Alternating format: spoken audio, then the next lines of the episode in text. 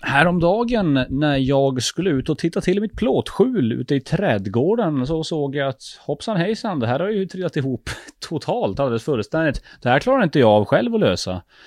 Eh, så jag grunnade ett tag och sen insåg jag att, vet du vad, jag testade att slå en pling till de här SMT, svets och mektjänst och det där löste de på studs. Svets och mektjänst, SMT, de pysslar med reparation och tillverkning av stålkonstruktioner och de är BC Luleåpoddens huvudsponsor. Jag tycker att vi säger stort tack till SMT.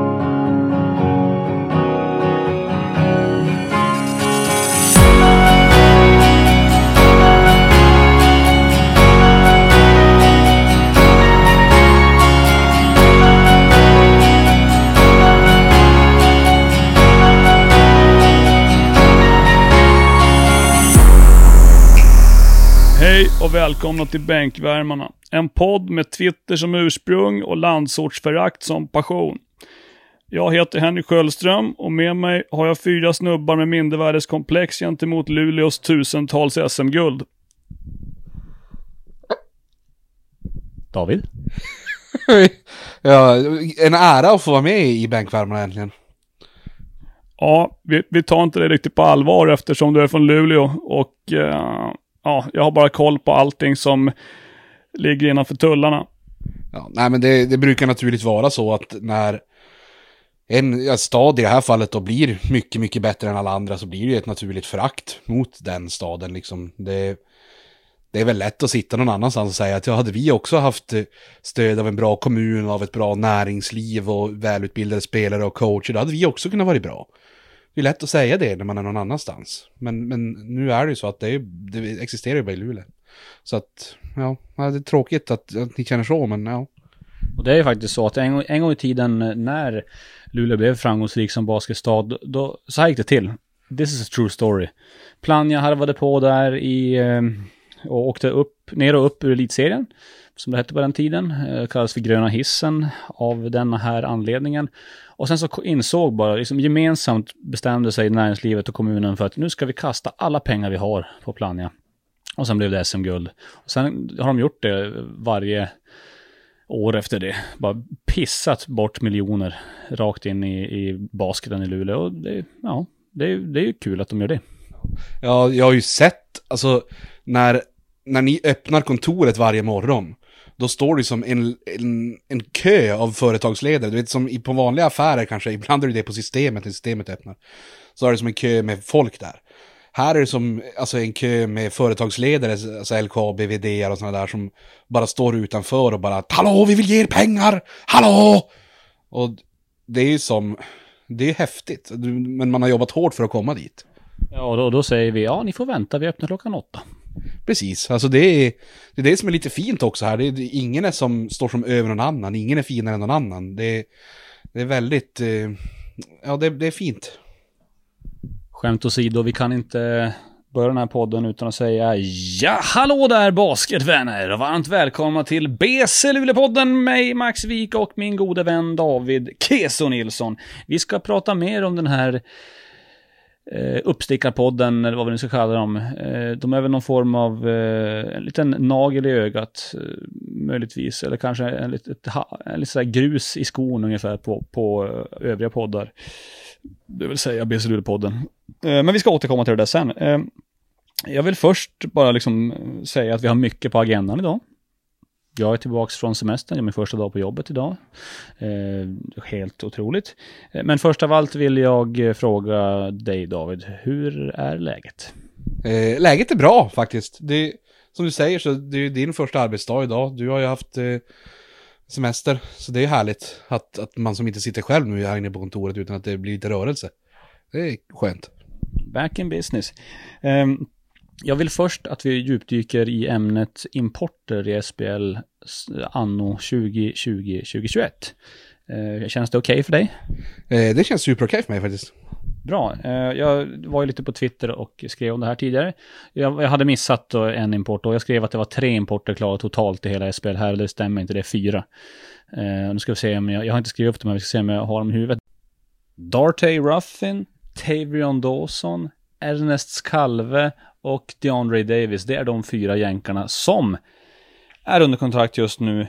Eh, alltså 32 stycken till i teorin kan presenteras då innan den eh, tilltänkta seriestarten eh, slutet av oktober. Eh, det är ju en del pressmeddelanden som ska skickas i sådana fall. Eh, det känns eh, sjukt. Eh, ja, eh, sen kommer det ju inte bli 32 kanske, men, men det är fortfarande en jävla massa. Vi kan ju utgå från att alla lag kommer att ha fler än en i alla fall. Så att det blir mycket. Vem fan ska skriva alla de här pressmeddelandena, Max? Ja, det är oklart. Inte är det jag i alla fall. Eh, men det man kan säga är att hittills är inte en enda av dem ny, som, utan det är bara importer som var här i fjol också. Eh, vem, tro, vem blir först ut, eh, Montro, att, att eh, presentera en jänkare? Eh, det känns som att det är ganska låga odds på att gissa på Jämtland i den här frågan, va? Eh, just för att det är väl, känns väl som en av de enda föreningarna som egentligen har gasat på lite grann där i början. Nu har det varit dött lite grann, men, men skulle jag gissa så, så är det de som ligger längst fram i arbetet med, med att skriva en, en ny amerikan. Ja, exakt. Så att vi får, eh, jag, jag tror också det, det har ju varit snack tidigt, redan för en månad sedan, har, slungades det runt om namn där kring Jämtland, så de skulle var intresserad av någon gard som har varit på Cypern. Minns inte namnet, eh, bryr mig inte riktigt heller. Eh, men det, det, man kan säga är att när Jämtland letar importer, då har de en jävligt tydlig kravbild. Basikkunskaper, ah, inte så noga. Karaktär, det är det enda som betyder någonting. Ja, eh, alltså jag har ju hört att de till och med har börjat titta på alltså andra idrottsutövare liksom och letar efter karaktären. Eh, hittade en hockeyspelare med helt rätt karaktär. Eh, erbjuder 35 000 i månaden åt honom. Så det, det blir ju det blir spännande att se vars man, vars man hittar karaktären liksom. Jag tror det finns ett par grabbar nere i gruvan eh, uppe i Kiruna där som vi också skulle kunna börja titta på om vi jobbade på samma sätt. Det med karaktär, för där finns det en hel del gubbar med ruggigt bra karaktär. Ja, alltså det är, det är unika människor som klarar av att jobba i gruvor och, och in, inte helt sällan så är det för att de har ett jävla järnpsyke. Det är riktigt psyke av stål. Nej, har man karaktär då, liksom, då spelar som allt. Resten bara kan spolas ner i toalettstolen för det är inte intressant överhuvudtaget. Eh, men jag tror, jag tror så här att när väl eh, Jämtland presenterar en amerikan, en ny, vill vi säga att det blir dem nu, eh, då blir det en jävla ketchup-effekt sen. Då kommer det bara rassla till, tror jag i alla fall. Ja, men det, det är väl, det känns lite som att alla går och väntar lite grann på, på att se vad som ska hända och vem som vågar göra första moven lite grann. Så, så det kan nog stämma att det blir lite ketchup. Annan intressant grej är ju Fryshuset där det inte går att veta jag tror inte att de har en enda spelare klar, i alla fall informationen som jag kan hitta. Det här är väl, säkert är väl sanningen att de har typ hela truppen klar.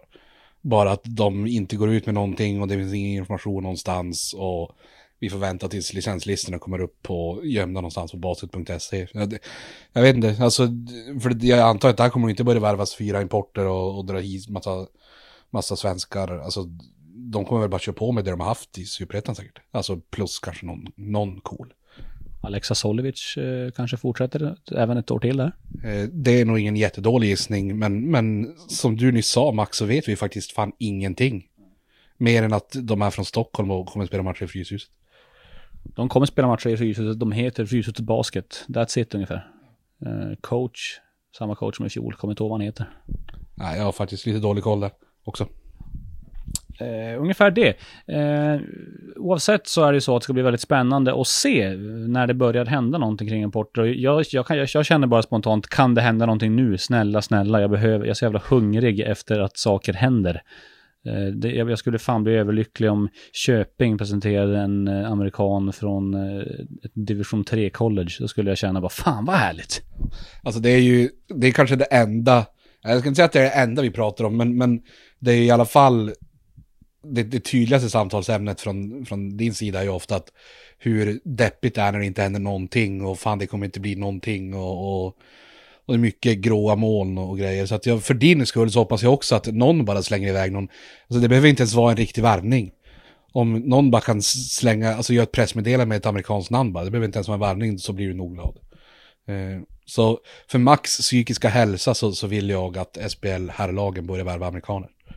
Ja, tack. Eh, det värmer att höra dig säga det där David. Eh, när det gäller BC Luleå då, ja det har ju gått att läsa i Norrländska Socialdemokraten att BC Luleå är intresserad av landslagsmannen Alexander Lindqvist. Det har ju skrivits lite om det här tidigare och som sagt var, eh, det vore ju konstigt om inte typ alla lag i ligan var intresserade av hans eh, namnteckning eftersom han är en, eh, en 205-206 cm lång landslagsspelare som har aviserat att Sverige är ändå rim- han kan tänka sig att spela i Sverige. Så det bör ju vara så att de allra flesta vill ha honom. Kapten i landslaget va? Eh, var det en fråga det? Eh, Okej, okay, det vet jag inte om han var. Men, men som du säger så är det väl superrimligt att, att alla lag skulle vilja ha honom. Och sen är det väl inte så många lag som har de ekonomiska musklerna kanske för att få igenom det. Men, men alla de lagen borde ju ta en, en hård titt på ekonomin och kolla vad man kan lösa för en sån där snubbe. För det hade ju varit svinhäftigt. I vårt fall då, om det skulle bli Alexander Lindqvist, för att eh, vi har ju sagt utåt att de, vi undersöker möjligheten och ser om vi kan värva honom. Eh, det skulle ju bli en eh, ersättare till Denzel Andersson ganska rakt av. De är ju fyra år ungefär båda två. Ungefär samma size. Eh, jag gillar ju den värvningen. Om den blir, blir av. Jag gillar ju den. Vad, vad är din spontana känsla? Eh, eh jättekittlande. Eh, framförallt blir det ju...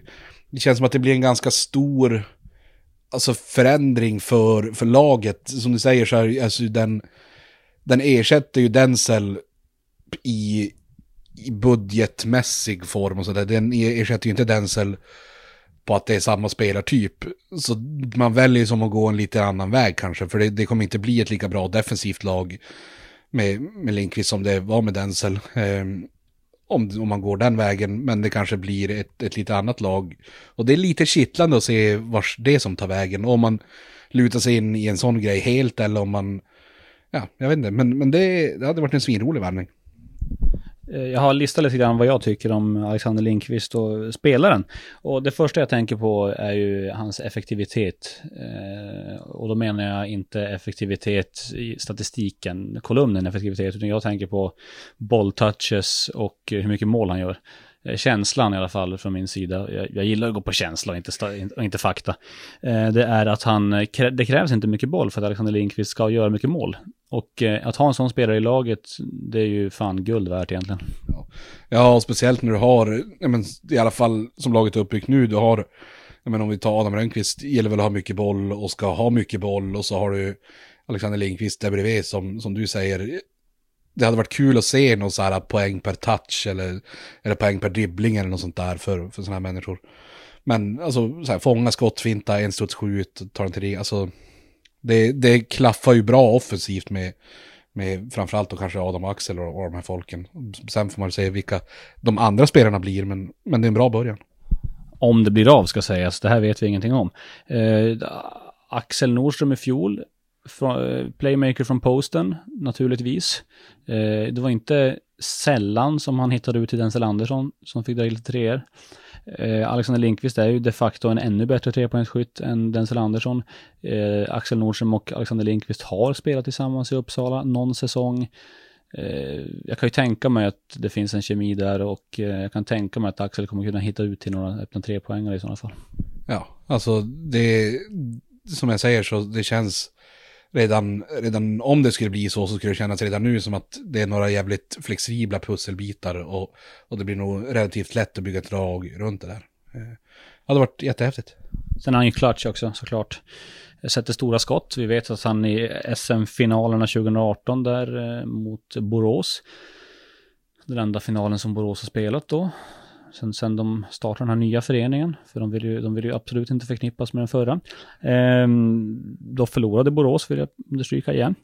Eh, Alexander Lindqvist satt eh, viktiga trepoängare, avgjorde matcher i sista sekunden, avgjorde väl hela alltet med en lång trepoängare om jag inte minns helt fel. Så att jag menar, en, en snubbe som sätter sådana skott vill man ha i sitt lag. Ja, alltså det verkar vara en cool kille liksom. Sådär. Sen är frågan vad han tycker om, alltså vad han gillar att äta och sådär. Det är väl egentligen den stora frågan. Alltså, pengar, det finns det ju lag som hade löst. Alltså, jag tror inte att, att det är något lag nu för tiden som ligger, som har astronomiska löner. Sen kanske det finns lag som har fler spelare som tjänar mer pengar, men jag tror inte det finns någon, något lag som ger 50 000 till en sån här spelare. Um, så, så det kommer ju som vara ish samma överallt, men det som riktigt kan förhöja upplevelsen det är ju att alltså Luleå är ju Sveriges kanske gastronomiska huvudstad. Eh, och det är ju, det ska man inte förringa faktiskt. Nej, det, det har du helt rätt i. Och det är många som flyttar hit på grund av kebaben. Axel Nordström till exempel. Eh, vi har sett många göra den där resan. Tom Lidén, Jonathan Persson när han var här också har ju lovordat kebaben. Eh, Palmblad, Johan Åkesson, Rudy Memba, alla de här som har kommit upp. Eh, Dennis Haulander en gång i tiden. Torbjörn Gerke, Jens Tillman, alla de här, Vincent Lundahl stannar kvar till och med för att han inte kan slita sig från, eh, från kebabköttet. Eh, med tillhörande orientdressing naturligtvis. Så att jag menar, det, det, är ju, det är ju ingen hemlighet att det är så. Vidare då, Alexander Lindqvist. Eh, ja, sizen har vi ju sagt, stretcha golvet, det är ju det uppenbara. Eh, men, men det man kan säga om, om spelare på position 4 med den offensiva mångsidigheten är att det brukar funka bra i PC Rökvists eh, motionanfall. Eh, och för att typ, en, typ nästan ett krav för att det ska vara framgångsrikt. Eh, de gångerna det har blivit guld för Peter, eh, två i Sundsvall med Liam Rush då på den positionen kanske och eh, nu senast eh, så såg vi ju Yannick Anzoloni då. Eh, som man kan säga en del om defensivt, men offensivt så är det ju en talang. Alltså, han, han, har ju mycket att bidra med där. Så att eh, på det sättet så, så känns det som hans, handen i handsken. Ja, alltså så är det ju. Och det känns också som att defensivt så kommer som helheten lösa det. Alltså sen är det klart att det är lättare att vara ett jättebra defensivt lag om, om alla fem på kan stoppa alla hela tiden. Men, men samtidigt så får du ihop det som en helhet så, så kan du komma över ganska många individuella kortkommanden. Eh, och det är inte heller så att Alex Lindqvist på något sätt är dålig i försvar. Det är bara det att Denzel är kanske en av de bästa svenska spelarna på den positionen i försvar i alla fall. Eh, så det är klart att där kommer det bli ett minus. Men jag tror att helheten kommer lösa det där alldeles utmärkt. Det är ingenting som jag är orolig över. Nej, visst är det väl så. Eh, sen så, återigen, vi spekulerar utifrån det vi själva tycker och tänker och tror och det är inte baserat på fakta eller något, allt det som, som, vi, hör, som vi får höra från eh, den sportsliga ledningen i BC Luleå. Eh, och jag tror inte att vi kommer nyttja alla fyra importplatser. Eh, och det tror jag är ganska smart. Eh, det har ju pratats mycket om, om det här med nya importregler nu. Fyra importer får man ha oavsett nationalitet. Eh, och liksom, kommer en skada på en svensk innan slutspelet, vad ska man göra? Det går inte att ersätta. Ja, men om man inte har fyllt alla importplatser så har man ju ett jävla sparkapital där. Ja, och det är väl jävligt rimligt, alltså både ur den synpunkten och sen också ur synpunkten att säga att du har ja, nu, nu vet jag inte hur, hur er budget exakt ser ut, men säg att du har 10 000 dollar att lägga på amerikaner i månaden. Alltså, ska du då vattna ur det till fyra amerikaner eller ska du försöka köra två? Eller kanske tre eller två och en tredje efter jul. Alltså det är som... Jag vet inte, det, det känns naturligt ur alla synvinklar eller vad fan man ska säga att, att kanske inte nyttja alla de där fyra platserna direkt. Det, det är klokt. Sen har vi killar som, unga hungriga killar redan nu som vi vet liksom kommer vara med och vilja ha, eh, göra anspråk på större minuter. Jonte Arvidsson, Daniel Hansson. Eh, exempelvis. Eh, liksom, Danne spelade ju redan i fjol stora minuter. Jag tror han låg på ett snitt på kanske 21-22 minuter per match. Och, och första halvan av säsongen var det ju för fan närmare 28 minuter per match. Eh, nästan. Jonte Arvidsson också då, kommer från, från USA nu och är, är jävligt sugen på att lira en hel del. Så att eh, att ge dem en chans eh, att visa upp sig tycker jag också känns jävligt fair. Ja, exakt. Och, och där kanske framförallt för Jonte Arvidsson när det hände första året att Alltså, eller första året är det ju inte, men om vi kallar det för den nya Jonte Arvidsson så är det första året för den nya Jonte Arvidsson. Eh, jag menar att man som får en ordentlig chans och man får känna själv att ja, men nu, nu har jag lite felmarginaler. Så jag kan, jag kan begå lite misstag och jag får spela ut Eh, och det kommer som inte vara en amerikan. Och sen kan det ju till och med vara så att, ja men är det så att det, det lossnar på riktigt för Daniel Hansson och Jonte Arvidsson, ja men då kanske det är bättre att köra på dem än att ta in en amerikan efter jul. Och på ett sätt som det kanske inte hade lossnat för dem om man hade haft någon college för 25 000 kronor i månaden eller någonting som bara jävla mellanmjölk och far nästa år.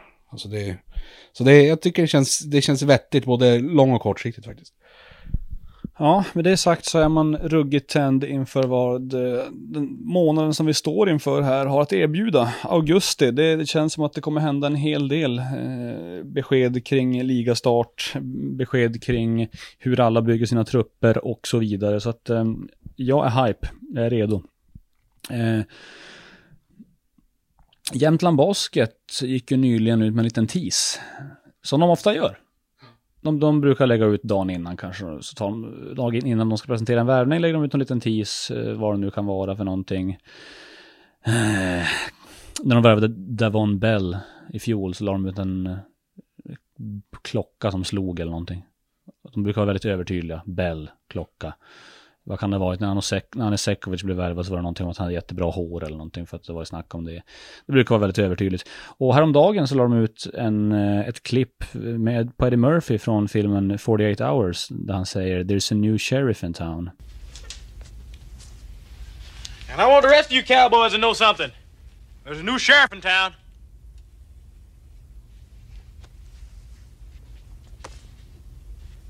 And his name is Reggie Hammond. Ja, då tänkte man ju, jaha, eh, vad kan det bli nu? Vad, vad trodde du David? Ehm, nej men det är som du säger, de har varit övertydliga ganska länge så, så tanken var ju, jaha, är det, nu, nu är det ju sheriff Dram. Det var det jag tänkte. I alla fall. Eh, och sen eh, kom dagen för presentationen och då var det eh, Marcos Kyriakidis, en eh, tredje coach då. Eh, ja, det, det kändes eh, lite märkligt eh, just med den teasern innan. Och sen var de som lite nöjda, folket runt Jämtland, för att de hade gjort den här teasern och så var det något helt annat. Det kan, han kanske har något smeknamn som inte vi känner till, sheriffen eller vad fan som helst, men för mig var det i alla fall eh, fullkomligt obegripligt. ja men det var det för mig också skulle jag säga. Alltså, det var ju dels märkligt för att det är som du säger, det här med att de har varit övertydliga hittills och, och de måste ju ha fattat själva vad folk skulle tro.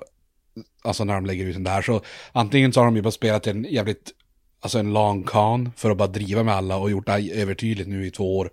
Eller hur länge de nu har gjort det här. Och så sen släpper det där och så nu bara för att jävlas. Eh, men jag tycker nästan var det som ännu märkligare för om han nu inte har någon smeknamn som är sheriffen, vilket det är ett märkligt jävla smeknamn så jag tror inte att han har det. Men har inte Jämtland också varit ganska bra på att ge märkliga smeknamn åt folk? Eller är det bara Gerke egentligen? Eller, eller, eller är jag ute och simmar nu? Gerke kallade ju Jan Puidet för ko- att han var som en kossa, men, men eh, jag vet inte, i övrigt så har väl Norrköping och Borås, Borås, de har ju kämpat på med smeknamnen eller lite grann. Men det, var, det kanske är en trend i svensk basket, vad vet jag? Nej, det var, det var Norrköping och Borås jag tänkte på, det stämmer. Men, men är det inte så att han kallas sheriffen, då är det jävligt märkligt att, att du tar dit en tredje coach och säger att det är en ny sheriff i stan. För, för det borde ju, tolkningen där är ju att nu är det någon som bestämmer som kommer in här. Det hade man ju kanske kunnat säga om det var, när det var Adnan som kom, nu är det en ny sheriff, nu är det lite andra bullar. Men det här är som en, en tredje coach, jag vet inte, det blir ju märklig hierarki om det är han som ska bestämma allting egentligen.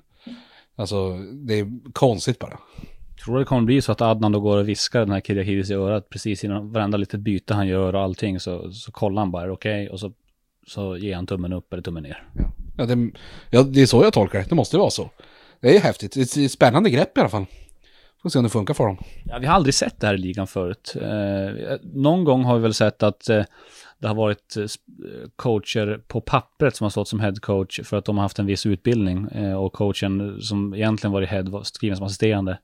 Eh, så det var liksom, man har gjort det den vägen. Men det är ju inte det här fallet. Nu är det liksom, nu handlar det om att ta det till en helt ny nivå. Ja, och det är ju... Ja, jag vet som inte vad jag ska säga. Det, det blir spännande att se vad deras plan är i, i just det här fallet faktiskt. Eh, Se hur det löser sig. Nej, vi, vi följer utvecklingen med eh, spänning. Ska vi säga någonting om bänkvärmarna? Ja, det är ju, alltså... Jag vet inte. Alltså det rör mig inte så mycket i ryggen att de existerar och jag lyssnar inte så mycket på dem, men, men de kan vi prata om dem. Nej, jag, ja, jag vet inte, ska man göra det? Men de verkar ju ha någon form av hang-up på Luleå där i, ehm, i den podden. Och eh, ja, inte vet jag alltså. Det, du var inne på det i början. Här. När man är störst, bäst och vackrast så då blir man lätt hatad. Och eh, jag menar, det är ju Luleå mot världen och så har det alltid varit. Så för oss är det ju som inte något nytt. Och jag menar, det är klart att de försöker väl kanske använda oss som en, som en språngbräda för att få mer lyssningar, tänker jag. Ja, ja, och det är naturligt. Alltså, för om man tänker, alltså brand recognition så borde vi ligga jävligt högt upp kan jag tycka. Eh, så jag hade också försökt använda en, en redan etablerad plattform om jag skulle försöka starta något, något sånt här hobbyprojekt. Eh, jätteklokt. Eh, sen, sen måste jag direkt faktiskt eh, ta tillbaka det jag alldeles nyss sa, att det rör mig inte så mycket i ryggen. För att, för att det är ju faktiskt så att en av mina favoritsaker i hela världen, förutom att spela tv-spel eh, och basket och givetvis, men det är inte så mycket basket nu för tiden, det är att eh, läsa basketbloggar och artiklar och lyssna på basketpoddar och sen bli sur för att de säger konstiga saker. Eh, och det gör ju faktiskt bänkvärmarna en del. Alltså, här sistens för något avsnitt sen, jag kommer inte alltså jag lyssnar ju verkligen inte på alla. Men då var det någon av dem som sa att Luleå borde ta och sätta sig ner. Eh, och då tänker jag så här, ja men det är lite märkligt för att vi, vi är ju ändå bäst och har varit bäst väldigt länge. Och då tänker jag så här, men vill man inte ta vara på den expertisen då? Det är som inte i så många andra ämnen där du säger åt den som är bäst och bara nej du får fan, sätt dig ner. Du får sluta vara så kaxig. Alltså om du har en läkare som kan bota cancer, kommer du säga åt den bara sluta, vad gör du? Eller om du har en eh, arkitekt som ritar svinfina hus, kommer du säga åt den att sluta rita fina hus då? Det är ju otroligt märkligt.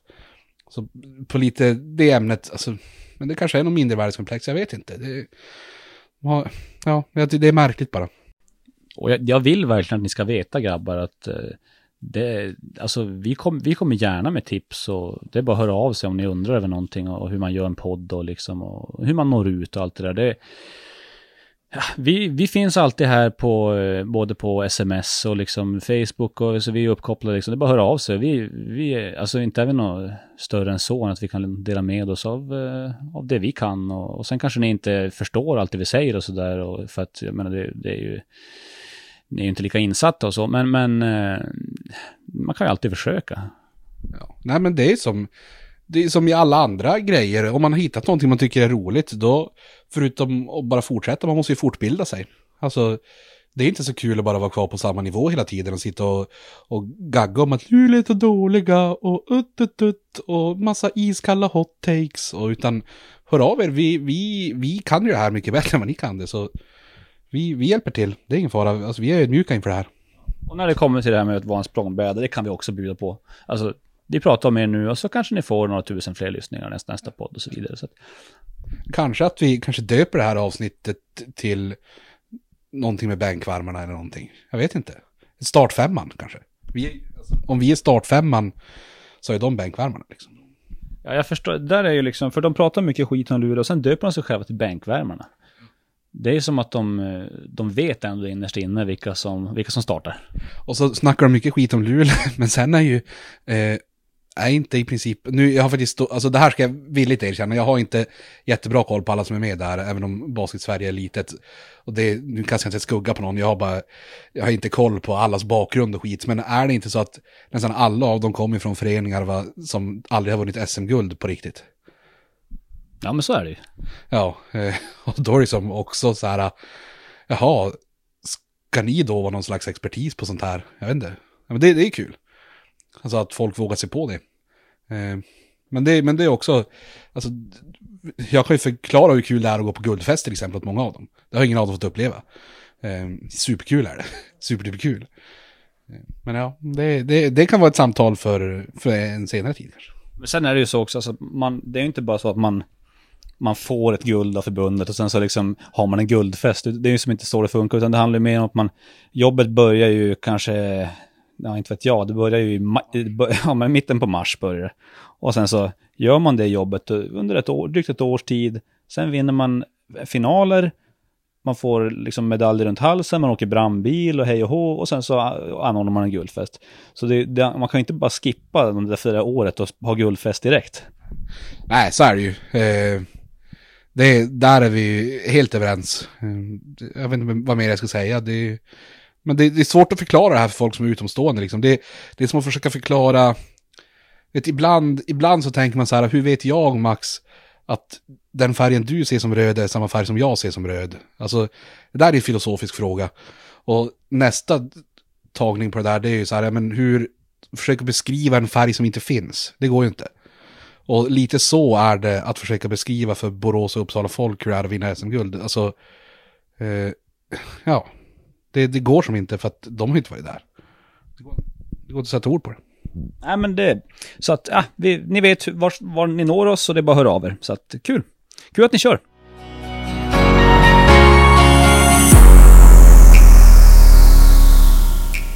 Man pratar ju mycket om solidaritet i svensk basket.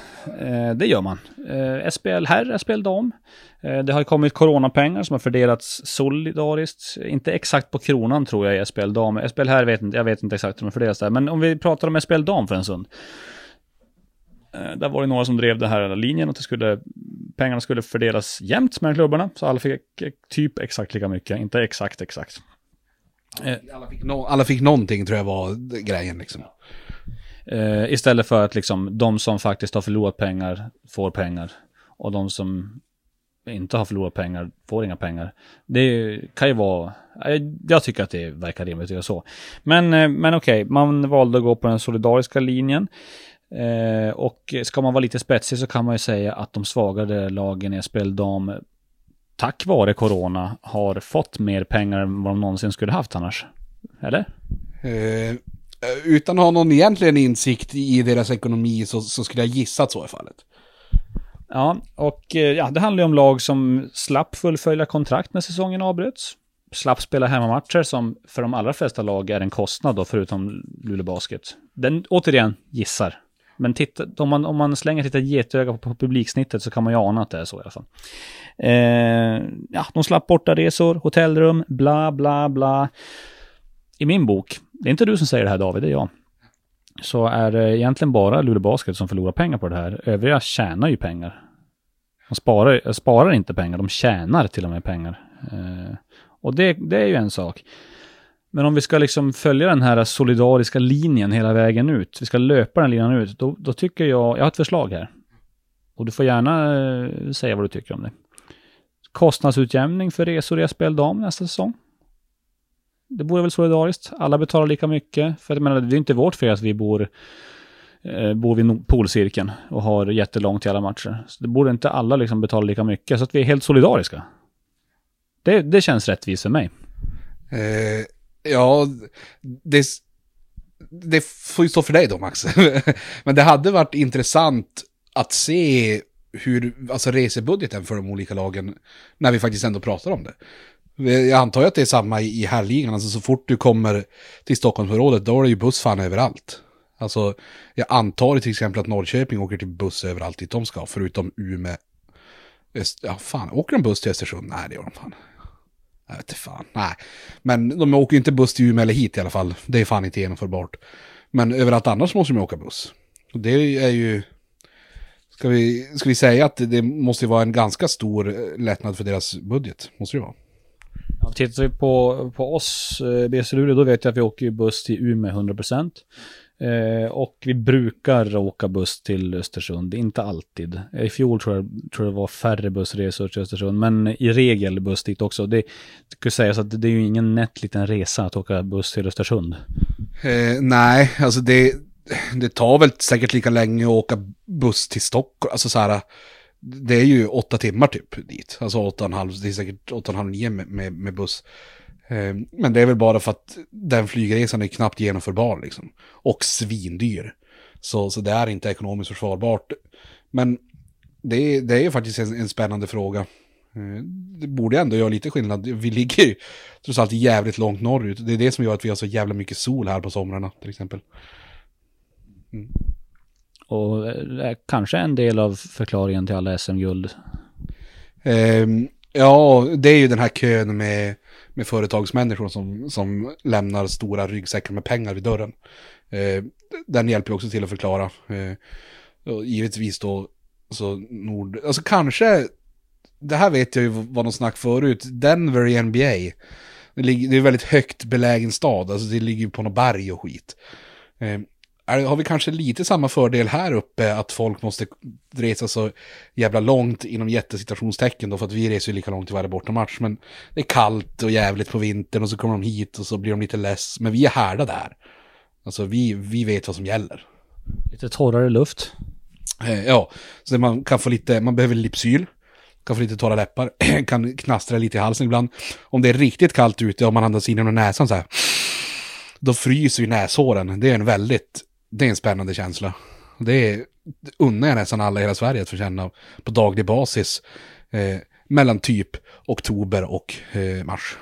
Och enda sättet att undvika att det fryser i näsan, om man nu mot förmodan skulle ogilla det, det är att stryka en liten klick orientdressing inne i, i näsborrarna.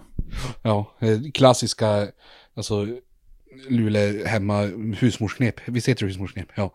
Eh, I princip till 99% av dem så är det orientdressing. Eh, skavsår, orientdressing i strumpan. Så här som du säger, det blir lite kallt i näsan, orientdressing i näsan. Mm. Munsår, eh, drick orientdressing. Det är häftigt.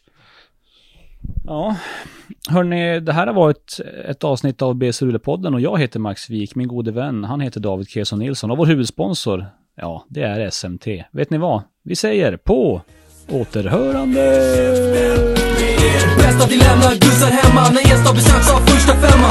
ST, ADSL, ADET, det är vi som är det resten av er käften med er Bäst att ni lämnar gussar hemma när gäst har besöks av första femma. Slaget, ett dagsblock av stans bästa spelare Vid startskottet